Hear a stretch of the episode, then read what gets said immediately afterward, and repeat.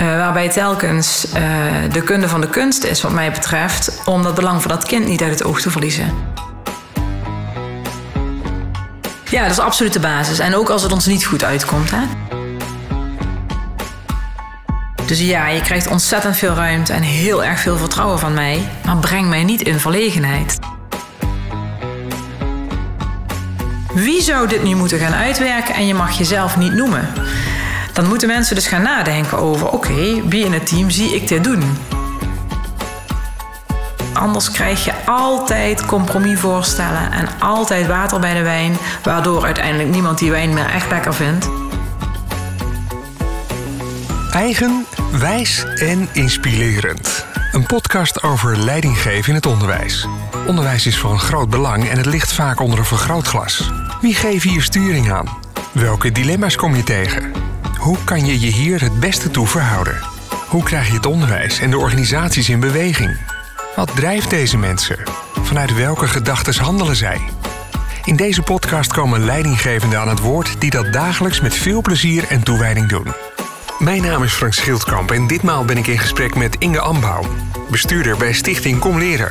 En zoals het in het onderwijs betaamt, starten we de kennismaking met het Vriendjes en Vriendinnetjesboekje. Naam? Inge Ambouw Jorlens.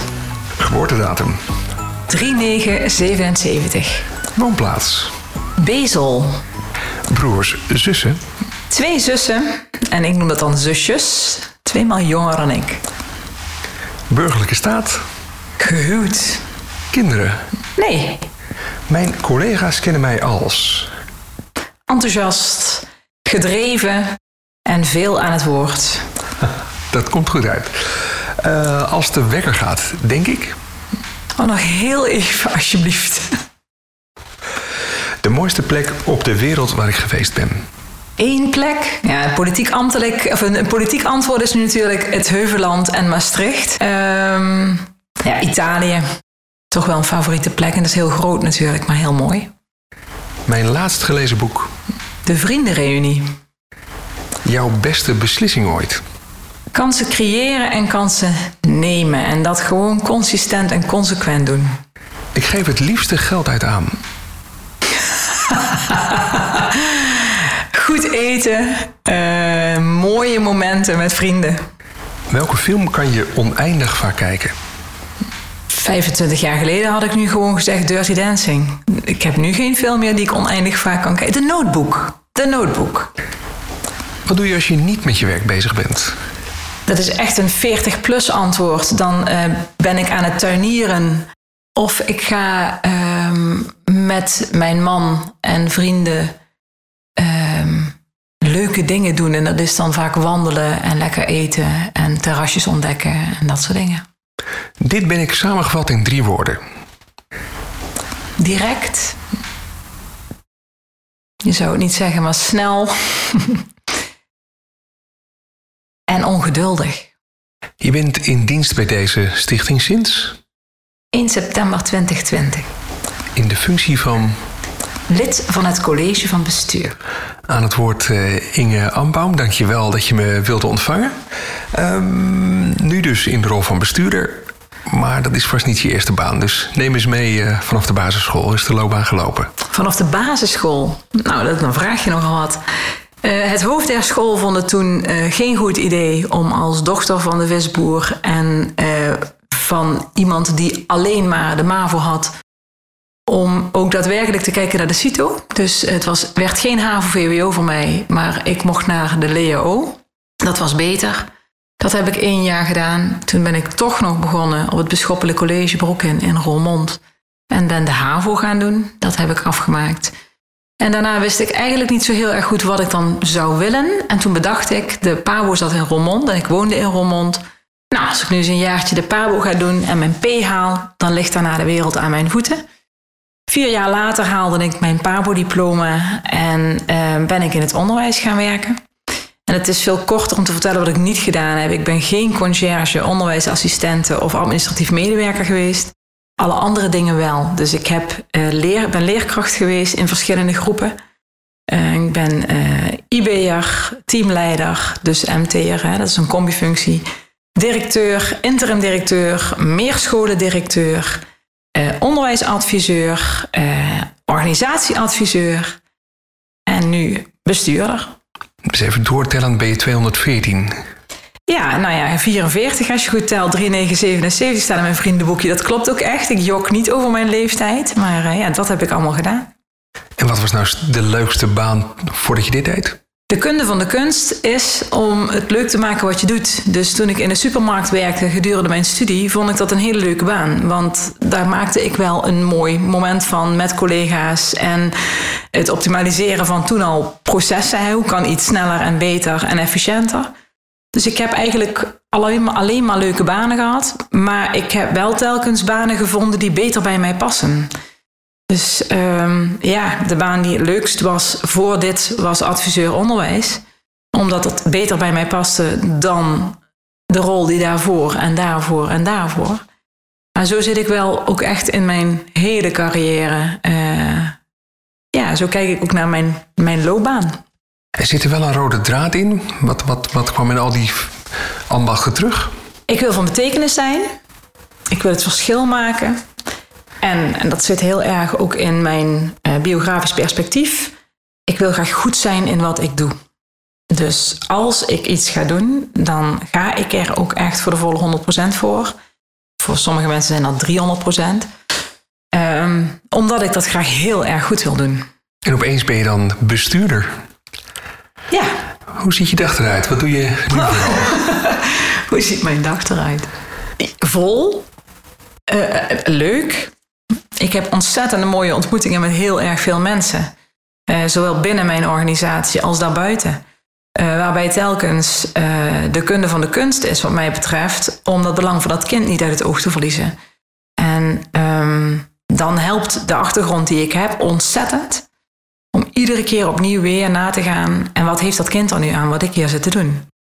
Dus uh, mijn dag ziet eruit dat ik uh, vandaag met een directeur gesproken heb. Dat ik met mijn collega een kennismakingsgesprek heb met iemand op het uh, bestuursbureau. Dat ik met een uh, andere directeur kijk naar de loopbaan van een collega. Van goh, hoe gaan we diegene inzetten? Dat ik met medewerkers van het bestuursbureau kijk naar hun ontwikkeling en hun loopbaan. Eh, dus een ontwikkelgesprek voer met, eh, met een collega.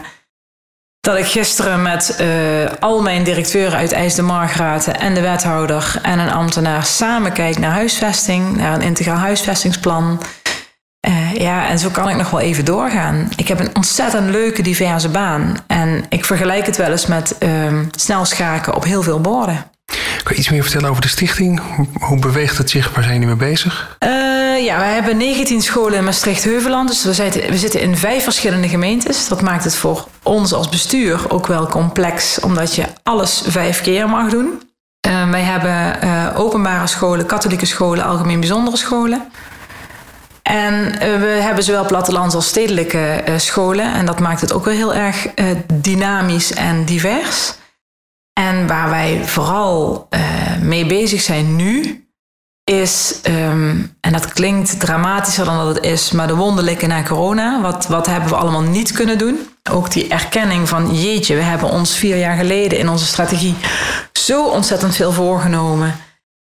En wat is er weinig gebeurd? tegelijkertijd kijken naar, we hebben ons zoveel voorgenomen en ja, voor op papier stond dus misschien weinig van gebeurd, maar wat is er veel gebeurd en wat hebben we veel geleerd en gedaan en ontwikkeld en um, wat we nu aan het doen zijn is echt het afronden, het, het uh, samen ook erkennen dat er heel veel gebeurd is. En vooruitkijken naar nu komt er een vers jaar aan waarin we hopen, denken, verwachten dat dat een normaler jaar gaat worden dan de twee jaren die we hebben gehad. Waardoor we wel weer echt een aantal focuspunten kunnen aanbrengen.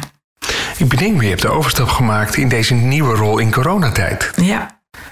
Hoe heb je dat ervaren? Dat je gaat aan een baan beginnen. Die, ja. Ja, niemand wist natuurlijk dat er weer een lockdown en nog een keer en nog een keer. Um, ja, in, in maart 2020 hadden wij die eerste uh, golf. Dat heb ik dus nog meegemaakt bij mijn oude uh, werkgever. Um, en daarna ben ik overgestapt. En in september zijn mijn collega en ik al beide nieuw begonnen. Hè. Stephanie Kamp is mijn, uh, mijn partner in crime. En wij zijn in september gestart met z'n tweetjes. En zes weken later, letterlijk zes weken nadat wij gestart zijn, zijn we thuis gaan zitten. vanuit het idee dat wij als bestuur het goede voorbeeld moeten geven. En als wij van onze collega's verwachten dat ze na schooltijd meteen naar huis gaan, want alles wat je thuis kunt doen, doe je thuis. Ja, dan moet ons werk ook van thuis. En uh, dat heeft alles bij elkaar uh, ja, geduurd tot eigenlijk sinds net pas weer dat we weer iets, iets mogen. Dus, dus na de kerst uh, zijn we weer officieel naar buiten mogen gaan. Dus onze kennismakingstour was nog niet afgelopen. Ik had nog niet al mijn medewerkers gezien. Ik was nog niet op al mijn locaties geweest. En iemand die dus altijd in het onderwijs gewerkt heeft, wat ik net vertel, um, moest in één keer op een studeerkamer uh, een, een organisatie in de vingers krijgen. Ik zag geen mensen meer. Mijn man en ik zijn met z'n tweeën, geen kinderen. Dus dat betekende dat mijn man wel ging werken s ochtends en dat ik ook ging werken s ochtends. Dus ik liep de trap weer op naar mijn studeerkamer. Ik zag heel veel verschillende mensen op beeldschermen langskomen. En het blijft veel minder goed plakken als je de context niet hebt bij die gezichten. Dus dat was al ingewikkeld. En um, ja, ik, ik heb afgelopen kerst echt zo'n moment gehad dat ik dacht: ja, ik weet niet of ik dit ga volhouden. En toen heb ik ook echt met mijn collega, met Stef, afspraken gemaakt over: ik moet meer die scholen in, want ik ga uitvallen. Ik had het zo nodig om uh, collega's te zien dat primaire proces te zien, kinderen te zien en te spreken, dat, dat was echt uh, heel erg bizar. Hebben die inhaalslag kunnen maken, dus? Um, ik maak mijzelf wijs dat onze organisatie er relatief weinig last van gehad heeft. Um, en voor mij was het voldoende dat ik al lucht kreeg dat ik vooruit kon kijken. Na twee keer in de week was ik in Maastricht en twee keer in de week was ik op een school. En dat was voor mij voldoende op dat moment. Dat zo snel is een bestuurdershand gevuld. En jullie doen het met z'n tweeën. Welke portefeuilles uh, liggen vooral in jouw handen? Of verdelen jullie dat? Uh, ja, Stef komt niet uit het onderwijs. Doet voornamelijk bedrijfsvoering. Dus is veel met huisvesting bezig. En in de slipstream financiën.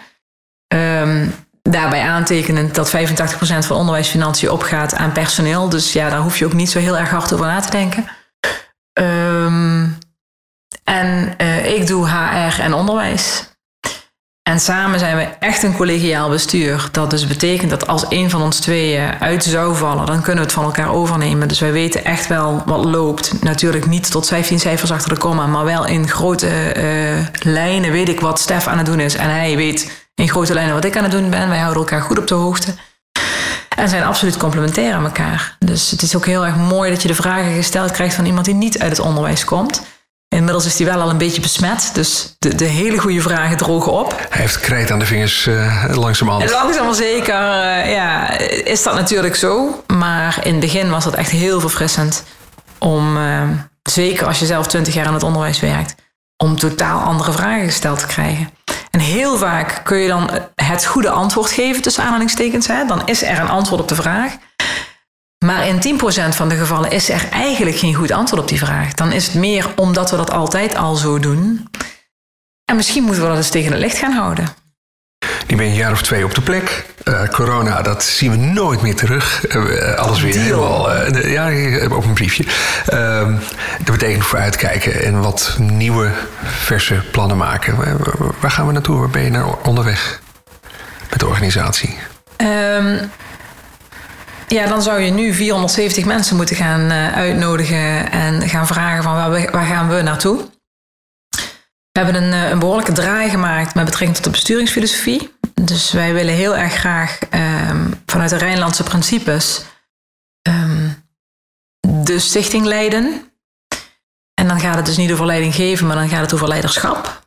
En dat betekent dus dat wij vooral de processen inrichten en de vragen gaan stellen aan de mensen die iedere dag in die scholen op allemaal die verschillende locaties met allemaal die verschillende mensen en ouders en kinderen aan de slag zijn om onderwijs te maken.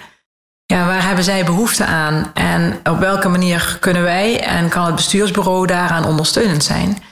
En welke, um, wat is laaghangend fruit, om het maar even populair te zeggen? Wat kunnen we in onderwijstermen in die zone van naaste ontwikkeling? En waar moeten we echt uh, um, een focuspunt van maken, een speerpunt van maken om nieuw aan te pakken? En dat gaan we komend jaar dus ook helemaal uit die organisatie ophalen. En uh, dat, dat is de vorige keer ook al gebeurd met het strategisch beleidsplan. Dus er zijn gesprekken gevoerd overal. Het gaan wij nu uh, nog breder en gemixter aanpakken. Toen is met teams gesproken door het CVB. Wat wij nu willen is dat er door gemixte teams en MR en met elkaar helemaal te mixen, dat die mensen het gesprek met elkaar gaan voeren in plaats van dat ik dat gesprek met hen ga voeren. En dat uh, aan de hand van een aantal, uh, ja, zeg het maar, een soort van geleide dialoog, hè, dus een aantal goede vragen, um, daar sturing op komt, zodat we ook echt kunnen ophalen wat er toe doet. Proef ik hier langzamerhand een beetje jouw handtekening dan, of niet? Ik kan het niet anders. En dat is natuurlijk onzin, want ik kan ook directief en, en vuist op tafel en zo gaan we doen. Um, maar ik denk dat je geen recht doet aan een organisatie waarin alleen maar hoogopgeleide professionals werken. Om te zeggen dat Stef en ik op ons jongens- en meisjeskamertje het beter weten dan de rest. En ja, natuurlijk hebben wij uh, een ander uh, perspectief. Je, je, je, bekijkt het vanuit het grote geheel. Wij gaan over die grote lijnen. Wij gaan over 19 clubjes in de grote club. Met alle stakeholders die er rondomheen zitten. En de ene directeur heeft echt geen idee van waar die andere directeur een andere kern mee te maken heeft. Dat weten wij wel. En daar we dus ook die goede vraag, of die nuancering.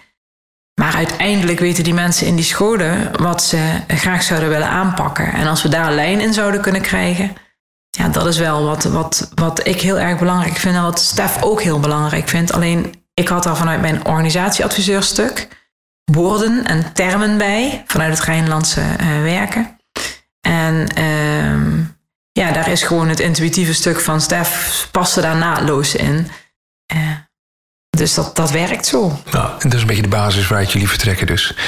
Ja, dat is absoluut de basis. En ook als het ons niet goed uitkomt. Hè? Het, is, het is consequent en consistent die concepten hanteren die in, dat, in, dat, in die Rijnlandse uh, structuur zitten. Geef even voor degene die anders moeten googelen een beetje de basis van het Rijnlands denken. Ja, als ik dat op feestjes en partijen uitleg, dan zegt iedereen: ah, dat doen wij ook, dat is bottom-up. Ja, toch is dat echt nog wel wat anders. Um, ja, het is bottom-up. Dat betekent dus dat wij inderdaad de vragen stellen aan de mensen, maar wij stellen ook samen met die mensen de kaders vast en de bandbreedte vast. En dat is, vind ik, de sleutel tot het laten lukken van bottom-up werken. Dat je met elkaar samen ook vaststelt waarbinnen we uh, ruimte hebben voor pluriformiteit. Dus wat we doen is uh, het ophalen. En dat is procesinrichting. Hè? Dus je, je zal, zal een bepaalde cadans in je club moeten krijgen. Het ophalen doen we met de mensen die er verstand van hebben.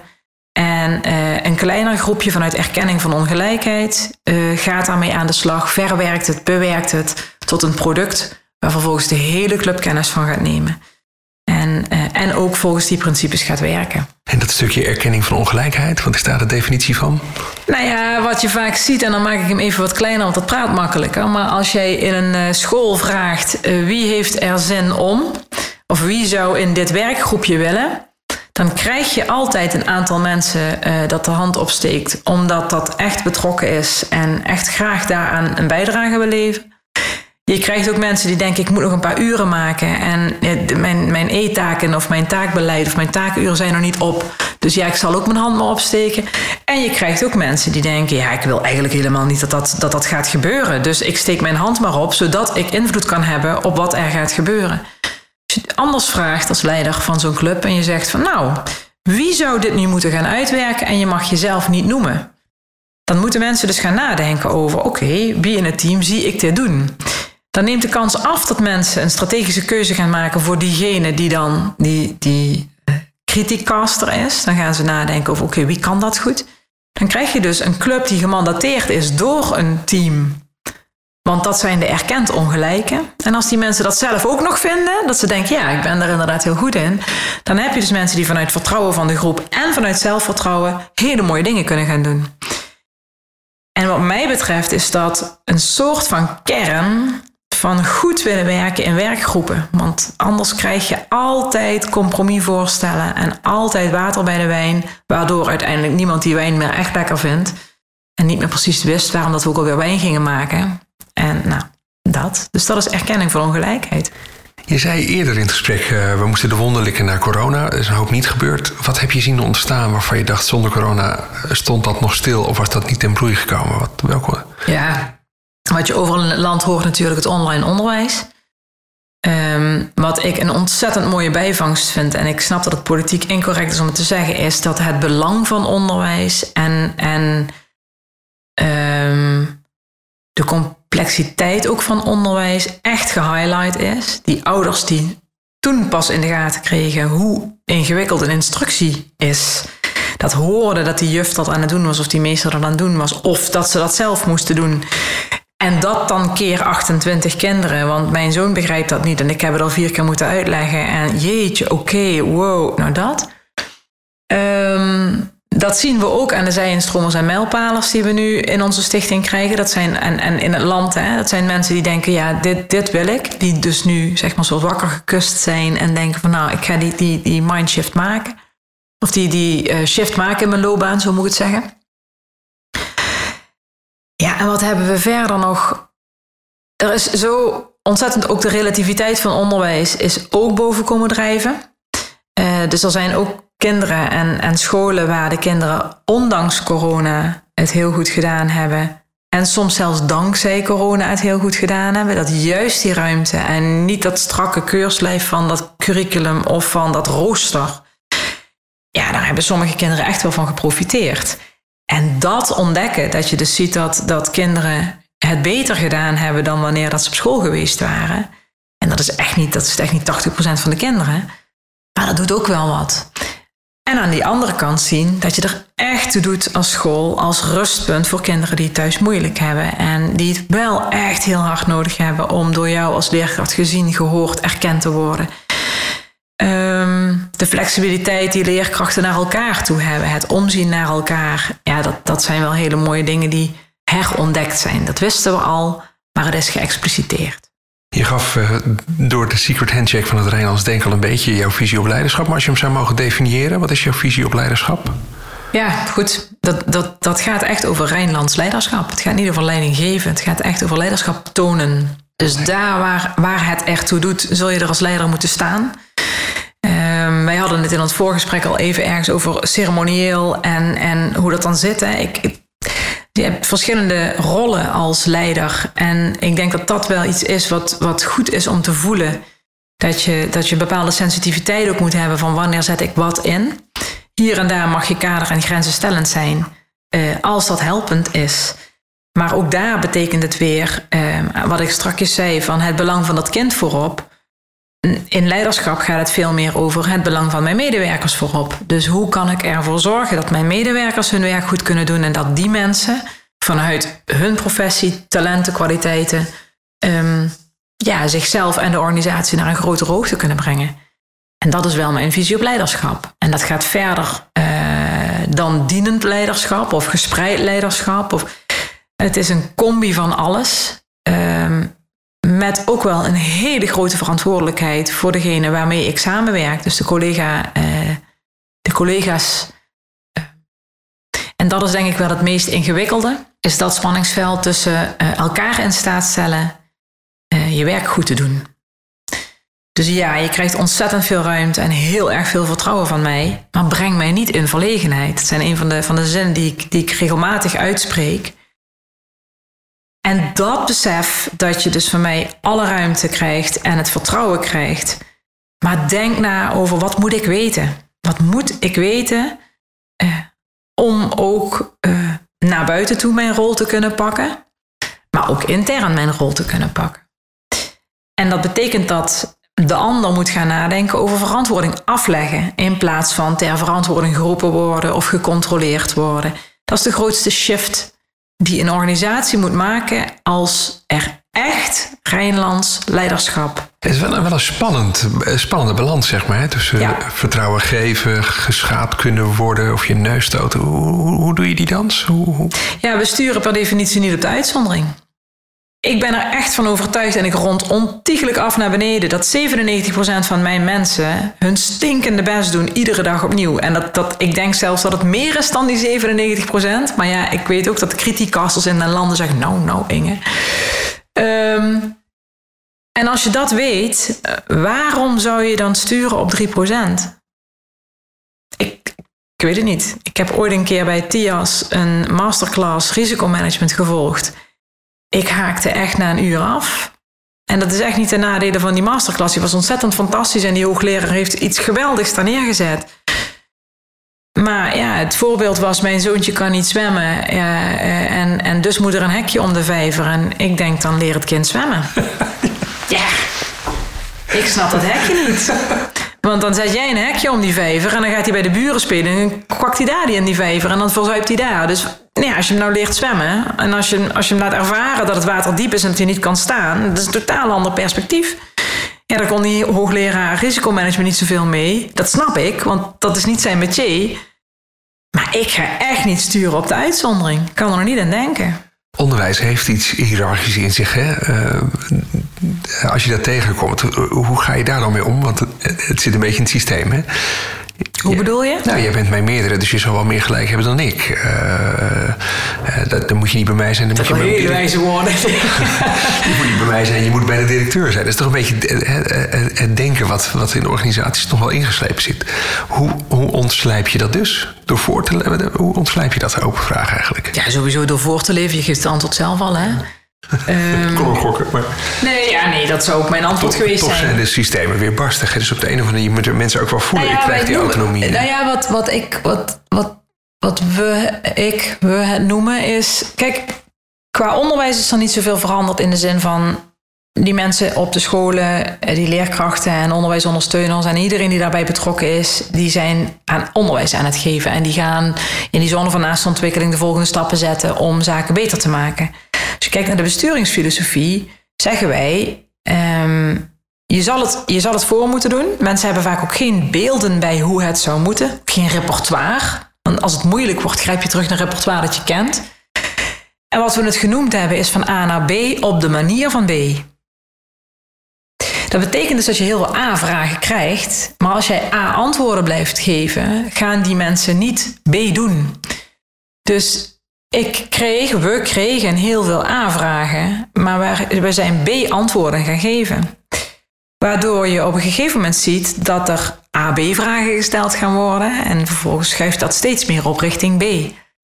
Daar waar het moeilijk wordt, zie je mensen nog naar A grijpen, maar je ziet ze ook de telefoon pakken en zeggen: kijk eens even met me mee. In de wetenschap dat Stef en ik niet vanuit wantrouwen of vanuit afrekenen met ze meeluisteren, maar juist vanuit samen kijken naar die volgende stap.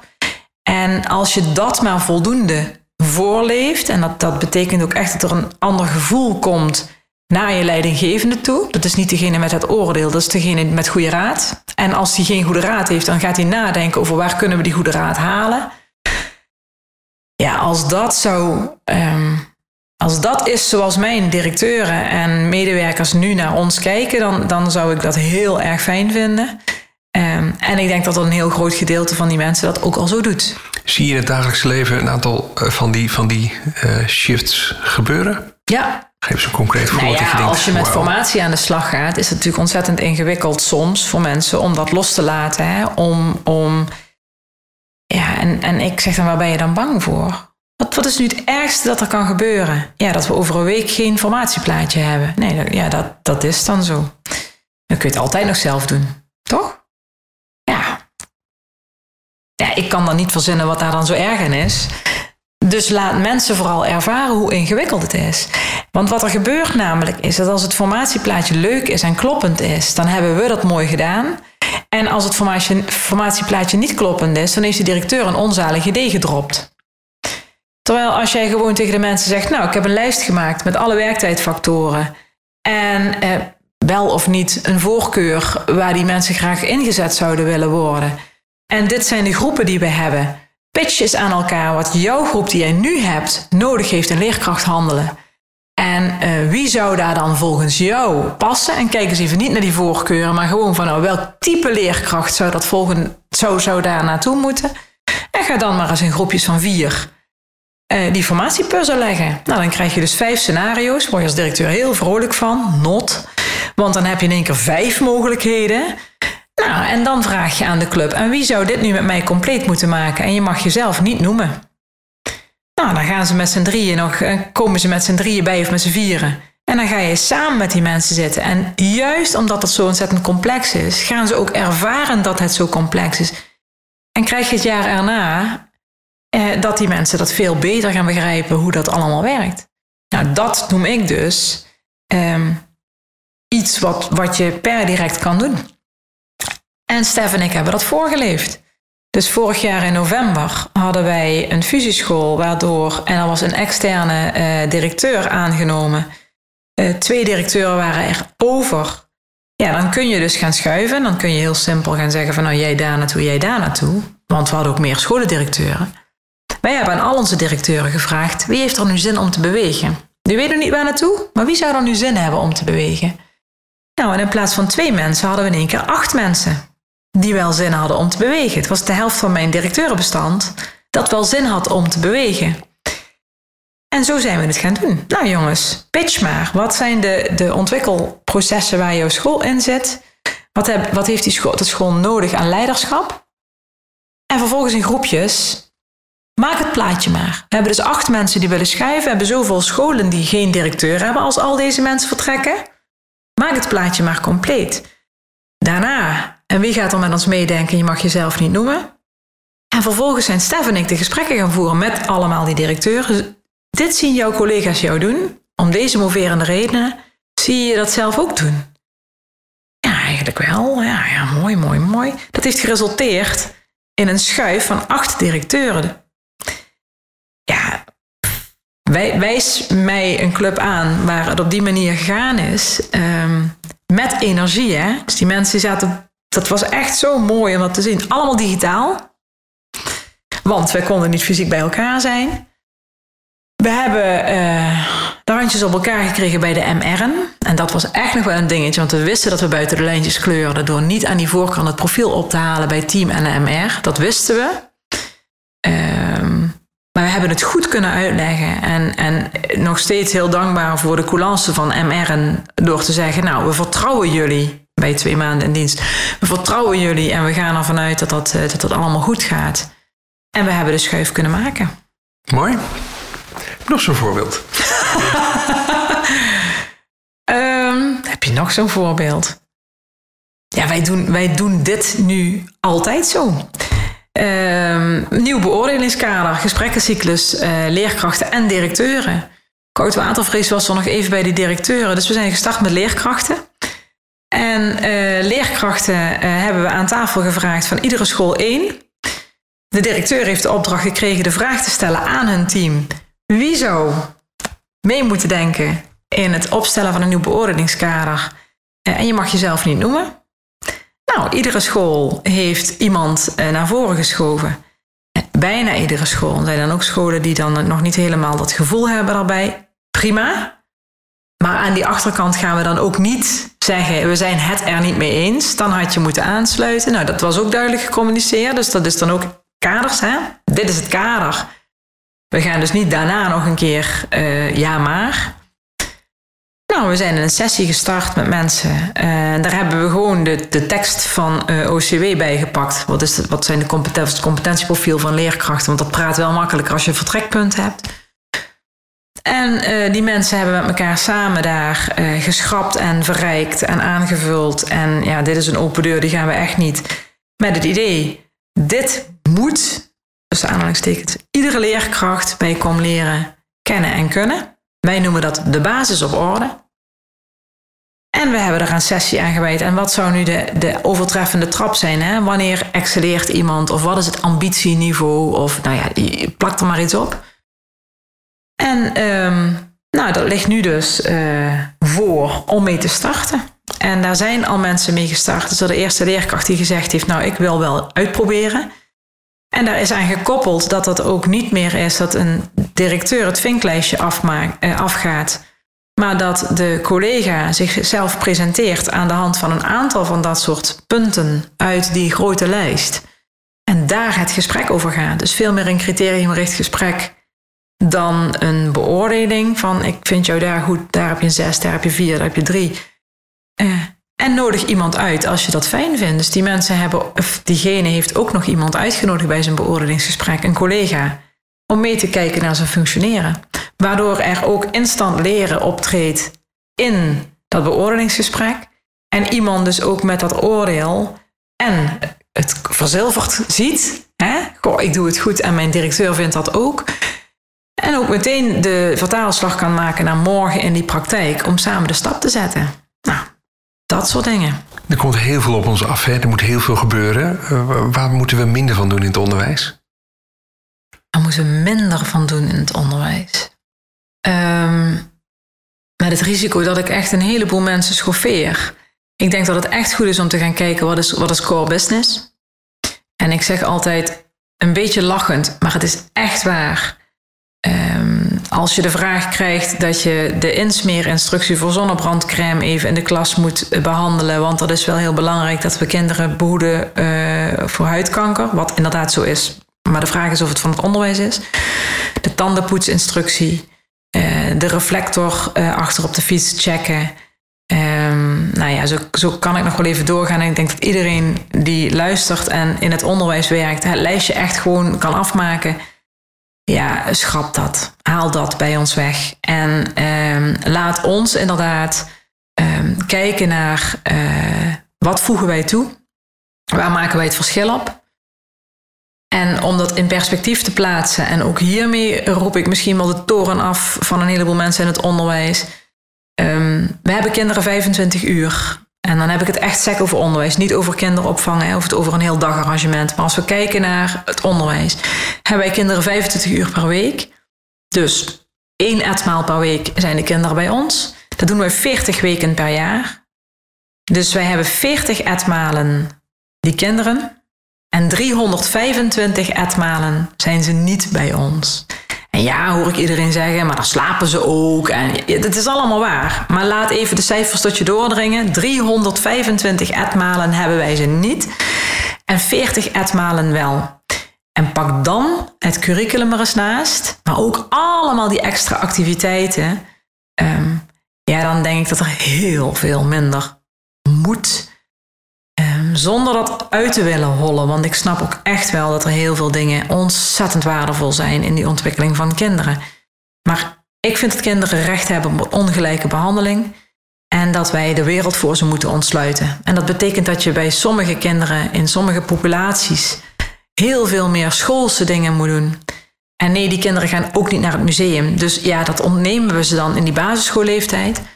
Maar als wij er niet voor zorgen dat die kinderen goed uitstromen en een, een, een, een goede toekomst tegemoet gaan, ja, zullen ze nooit in dat museum komen. Dus laten we dat vooral doen. En ja, dat betekent dus ook minder doen. Wat betekent dat voor bestuurders? Er vaker voor gaan liggen als er weer iets uit Den Haag komt? Of... Ja. Ja, nou in de, corona, in de coronaperiode hebben we dat ook nadrukkelijk gedaan. Hè. Er kwam het hele NPO-verhaal, uh, kwam onze kant op gedenderd. Nou, dat, dat, dat verbaasde ons ontzettend dat er zo ontzettend veel geld. Ik zeg dan even vanuit sentiment, uh, uh, naar dat onderwijs gesluist werd. Zonder, als we het dan hebben over evidence-based en evidence-informed, daar, roepen we met z'n allen, roept Den Haag ook. Zonder dat daar iets onder lag, dachten we met z'n allen dat die kinderen mega achterstanden hadden opgelopen en er moest een hele bak geld naartoe. Um, en die verantwoording zagen we ook op ons afdenderen. Want we weten inmiddels ook hoe dat werkt. Hè? Je krijgt iets, maar er hoort ook iets voor terug. Dat daar meteen een streep doorgezet is. Wij gaan dat dus niet aan onze directeuren vragen. Dus het kan, als Den Haag het gevraagd had, ze hebben daar, zijn daar heel coulant mee omgegaan, dan, dan waren wij daar echt wel voor gaan liggen. Van dit gaan wij dus niet doen. Dus, uh, en ik denk dat dat heel vaak zo is. Wat we nu zien gebeuren, ja, dat heeft heel veel meer te maken met ook hoe, hoe er gekeken wordt naar besturen en directeur. Ik vind dat wantrouwen daar echt wel een, een woord in is op momenten. Ja, dan mag je daar ook als bestuurder wel voor gaan liggen. Dus die directeuren hoeven niet alles te doen. En die hebben zich ontzettend uh, drie slagen in de ronde gewerkt om allemaal die scholen in de lucht te houden en om alles en nog met alle vervangingsproblematiek en arbeidsmarkttekorten. Ja, dan mogen we wel zitten schildienen. Ja. Waar ben je het meest trots op als je een beetje kijkt op de afgelopen periode? Ik, ik merk dat ik echt aan het nadenken ben, waar moet ik allemaal uit kiezen? Als ik, als ik um, zie hoe mijn mensen, hoe onze mensen, want als daar waar ik ik en mijn zeg, dat, dat bedoel ik echt onze mensen mee. Um, Als ik zie hoe zij in die periode, die voor iedereen onvoorspelbaar en onvoorstelbaar was, scholen draaiende hebben gehouden, uh, kinderen in beeld hebben gehouden, ouders aangehaakt hebben gehouden. Is de ene keer beter gelukt dan de andere keer, maar hey, ik geef het je te doen, doe het maar eens. Ja, onwaarschijnlijk onvoorstelbaar trots. Um, diezelfde trots voel ik als ik naar uh, de club kijk en ik ben in een school en ik zie met hoeveel passie, betrokkenheid kinderen, direct, of, directeuren, leerkrachten, maar ook conciërges en administratief medewerkers met kinderen aan de gang zijn. Ja, dat, dat is zo ontzettend gaaf om te zien. ja, en eigenlijk krijg je dan bijna zo'n zo'n zo'n kerkelijke quote en ik zag dat het goed was. Dan, ja, dat is hartstikke mooi. We hebben afgelopen week hebben we een, een personeelsfeest gehad. Uh, dat je mensen in een informele setting met elkaar samenbrengt en ziet hoe ontzettend veel plezier mensen hebben en hoe goed dat ze het hebben met elkaar. Ja, dan ben ik wel echt heel erg trots.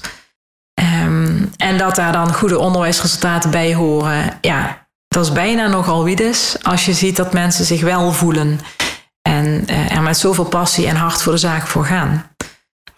Als je het op jezelf betrekt, hè? nieuwe baan, nieuwe rol, nieuwe. Wat is dan toch stiekem wel gelukt op een manier waarvan je denkt: wauw. Landen in een organisatie in coronatijd, dat vond ik, vind ik echt bijzonder dat dat gelukt is. Het vertrouwen krijgen om zo'n uh, club te mogen leiden dus daar zit, daar zit iets onder dat dat ook oké was om dat vertrouwen aan ons te geven. Ben ik blij mee, dankbaar voor, maar daar ben ik ook wel trots op. Want dat betekent ook dat wij iets goed gedaan hebben in onze communicatie en in er zijn en in de verbinding maken. En um, ja, dat is wel gelukt. En ik denk dat het ook, dat, ja, wel. Ik, ik denk dat we ook trots mogen zijn op de verbinding die we maken met onze stakeholders en gemeentes. Um, daar is de, verstandhouding is echt goed. En ook regionaal met collega-besturen uh, is het goed toeven. En dan niet als in de boardroom, uh, cognac drinkend en uh, sigaar rokend, maar samen kijken naar wat is goed voor de regio in het belang van het kind. En dat lukt ons in Maastricht-Heuveland met onze collega's van de, van de wat kleinere besturen, maar ook van de twee grote besturen, erg goed om, om dat belang van het kind als vertrekpunt te zien. En niet meer de belang, het belang van de, van de stichting. Ik wil ook wat inzoomen op dat leidinggeven. Uh, wat je af en toe ziet is startende leidinggevenden toch vastlopen. Wat gun je startende leidinggevenden? Wat zou je ze mee willen geven zonder ze te pamperen? Vraag. Er is, bestaan geen domme vragen. En voel je vrij om, om te bellen met die collega-directeur die al heel lang in het vak zit. Want die meneer of die mevrouw is ook ooit starter geweest. Dus het idee van, oh iedereen snapt het. En uh, ik moet het ook snappen, want op mijn visitekaartje staat sinds gisteren directeur. Dus ik, ik, ik ben klaar, ik ben de alwetende verteller. Uh, ik heb vanochtend een prachtig gesprek gehad met een echte goede, steengoede directeur bij ons die uh, gewoon echt haar vragen bij mij neerlegt. Um, vanuit sparren en, en advies. En nou, die kan verder. En dat, dat is gewoon hartstikke mooi. En die zegt dat ook. Fijn dat je met me meekijkt. Um, ik heb ook het gesprek gevoerd met een starter toen ik ook starter was bij uh, Kom Leren. Ja, dan kom je erachter dat er dus ook geen handboek ligt bijvoorbeeld. Of dat dat er wel is, maar niet bekend is. Ja, als je het dan hebt, maar je hebt dat niet verteld aan die starter... dan heb je zo weinig aan zo'n handboek, startende uh, directeur bijvoorbeeld. Dus dat gun ik mensen. Um, en ik gun mensen ontzettend dat gekeken wordt naar, naar hun kwaliteiten... en naar wat wel goed gaat. Want die starter is ontzettend onverbiddelijk voor zichzelf... Uh, die rijdt s'avonds naar huis toe en denkt: shit, dit is niet gelukt. En dat had ik anders moeten doen. En misschien had ik. Dit is weer niet af. En mijn to-do-lijstje. Maar um, ik gun ook echt eh, starters, mensen die met hen meekijken en verzilveren wat er goed gaat. Wat heb je zelf hopeloos onderschat? Wat heb ik zelf hopeloos onderschat? Um, dat is een leuk. Nou ja, de politieke manier van communiceren, als we kijken naar uh, het bestuurlijke echelon, om het dan toch maar even zo te noemen. Ik weet niet of ik het onderschat heb. Ik heb wel onderschat wat het met mij doet. Nou, Dat is wennen. En tegelijkertijd heb ik ook wel van een kindpartner, bestuurder van een, kind, van, van een kindpartner. Ik heb een 360 uh, uh, graden feedbackronde gedaan, zowel intern als ook extern met mijn, uh, met mijn stakeholders.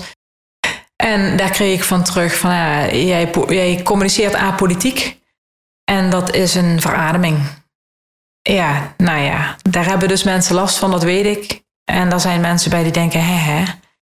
En ik gun ons dat ook wel heel erg, dat hè. Op welke wijze kunnen ze er last van hebben? Wat, je... Ja, het is niet altijd politiek correct. Dus man en paard. Als ik ergens last van heb, dan, dan laat ik jou dat weten. En dat doe ik ook aan plein publiek. Dus in een overleg. En ik weet gewoon dat hè, als jij gezegd hebt, ik ga dat doen en jij hebt dat niet gedaan. En wij zien elkaar daarna weer terug. En dan zitten dan ook collega's bij. Ja, dan ga ik jou toch wel vertellen dat het wel heel jammer is dat je dat niet gedaan hebt. En dat ik dat wel op gerekend had. Dat kan ingewikkeld zijn. Als je dat niet gewend bent. En dat is natuurlijk ook wel um, Limburgs. Laten we daar ook dan maar geen. Uh, geen uh, laten we dat ook maar gewoon benoemen. En dan bedoel je wellicht verhullende taal? Of? Ja, dat hoort bij, bij onze cultuur en dat is ook prima als je dat weet en je kunt daarmee omgaan. Maar op het moment is het niet helpend. Het is heel vaak wel helpend om dat op die manier met elkaar samen te doen. Zeker ook omdat het iets cultuurhistorisch is. Maar op het moment is het ook niet helpend. En dan helpt het ook wel dat er soms mensen zijn die dan heel direct man en paard. En uh, ja, nou, dat kan af en toe schuren. En ik heb wel onderschat wat dat soms met mij doet. Ja. Wat doet het met je? Uh, verbazing kan dat echt wel oproepen. Uh, ook op momenten wel irritatie. Um, en wat ik dan heel kwalijk vind, en dan komt het weer. Hè, voor mijzelf vind ik dat allemaal niet zo ingewikkeld. Maar ik ben aangenomen om het belang van de stichting te dienen. En als dat onder druk komt te staan, ja, dan ga ik wel op de barricade. En dat is, dat is wel ingewikkeld op momenten. Terwijl je ogen twinkelen. Ja. Wat zeg je? Terwijl je ogen ja, twinkelen. Ja, het, ja nee, maar dat is, het, het, het, hoort er wel bij. Ik vind ook dat het, dat het erbij hoort. Hè. Ik vind ook dat ik dan op moet komen voor mijn club en dat ik dat moet doen. Maar ja, dat, dat is op momenten... Uh, past het niet helemaal in het politieke structuurtje. Ja, dat kan. Je vertelde uh, aan het begin van het gesprek uh, langzamerhand het hier en nu. Uh, we sluiten een aantal zaken af. Wat komt er op het onderwijs af waar we rekening mee moeten gaan houden? Ja, met stip bovenaan. Dat is de open deur van de eeuw natuurlijk. Het arbeidsmarkttekort. In de Randstad kampen we daar al jaren mee. Um, we gaan het nu ook hier in de periferie steeds meer voelen de incentive die dan gegeven wordt, is die arbeidsmarkttoelage. Ja, wie dat bedacht heeft, ik, ik snap er echt helemaal niks van.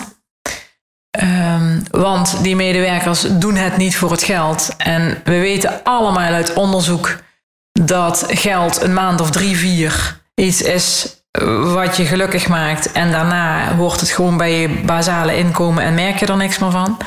Dus scholen zouden veel meer uh, geholpen zijn bij meer mensen. Nou ja, die zijn er niet. Dus ik denk dat dat echt het allergrootste uh, dilemma wordt. De, de tweedeling nog steeds in CAO, kinderopvang en PO. Ook in het hele arbeidsmarktverhaal is dat echt een dingetje. Dus mensen die, die pedagogisch professionals die weglopen bij de kinderopvang. En niet omdat ze niet in die kinderopvang willen werken, maar omdat de arbeidsvoorwaarden bij mij beter zijn. En ik heb ze keihard nodig, dus ik ga niet zeggen, ja, blijf maar bij. Maar ik zie ook dat ik vervolgens aan de andere kant een probleem creëer door mensen aan te nemen op de vacatures die ik heb. Uh, waardoor er wachtlijsten ontstaan in de kinderopvang en uh, peutergroepen niet kunnen starten, die weer niet, die bij mij op school niet kunnen starten. Um, en wat ik net al aanstipte, uh, waar, waar, waar, we in toenemende mate mee te maken krijgen, is het wantrouwen van, vanuit de regering. Zo voel ik het. Hè? Ik zeg niet dat het er is, maar zo voel ik het. Waarbij vanuit volstrekte positieve intentie uh, meer zeggenschap richting leerkrachten ge gestuurd wordt. In de vooronderstelling, zeg ik dan maar eventjes, dat wij dat niet doen. En die vind ik zo bijzonder. Want ja, ik heb jou net uitgelegd hoe wij in die race zitten met onze medewerkers. Ja, er gebeuren geen dingen bij ons in de club waar onze medewerkers het niet mee eens zijn. Dus wij hebben die gesprekken met elkaar. En wij, wij voeden mensen met het grotere geheel, de strategie, de strategische keuzes. En vervolgens nemen we een afslag samen. Als jij daarvan uitgaat dat het niet gebeurt, ga je organiseren dat uh, MR'en, en ze hebben deze week nog van meneer Wiersma een, uh, een brief gekregen, ja, dat ze toch wel echt moeten gaan opletten hoe het zit met die NPO-middelen. ja, als dat de insteek is, ehm, heb ik daar wel moeite mee. En dat zijn dan denk ik wel zo de, de zaken die, die er echt toe doen. De, de, de, de groter wordende problematieken waarmee we te maken krijgen in het reguliere onderwijs. Dus inclusie is een ding, dat willen we ook heel graag. Maar er hoort mensen en mankracht en expertise bij. Ja, als dat er niet is, dan kun je dat van mij verwachten, maar dan kan ik het niet waarmaken. En um, wat ik ook echt een uitdaging vind, is um, uh, ouderbetrokkenheid. Aan de ene kant het ontbreken ervan. Bij de, bij de groepen waar je heel graag meer die ouder in die school zou willen hebben. Om die samen met jou ondersteunend te laten zijn in dat onderwijsproces. En aan de andere kant de ouder die zijn verantwoordelijkheid doortrekt tot diep in mijn verantwoordelijkheid. En mijn is dan het onderwijs. En mijn directeur en leerkrachten gaat vertellen hoe ze het moeten doen. Ja, daar vind ik wel dat daar een afbakening wel op zijn plaats is. Om ieder vanuit zijn eigen perspectief en vanuit zijn eigen professie te kijken naar ja, hoe gaan we dat samen doen met onze jeugd. Ik hoor de huisartsen dat langzamerhand ook zeggen, eigenlijk hetzelfde. Ja, ja. Dat is de belangrijkste les die je luisteraars niet zou willen onthouden. Loslaten is een werkwoord. Dus op het moment dat je, dat je sorry, misschien de toelichting er nog bij, hè? dus uh, als je wil dat mensen van A naar B B gaan doen, dan moet je ze de ruimte geven om ook te struikelen en er zijn om samen die knieën af te kloppen en weer verder te gaan. En niet voordat ze struikelen ze vastpakken of het proces weer overnemen. Dus loslaten is een werkwoord en dat is niet hetzelfde als laten vallen. Aan het woord was Inge Anbaum. Dankjewel voor je tijd. Tot je dienst.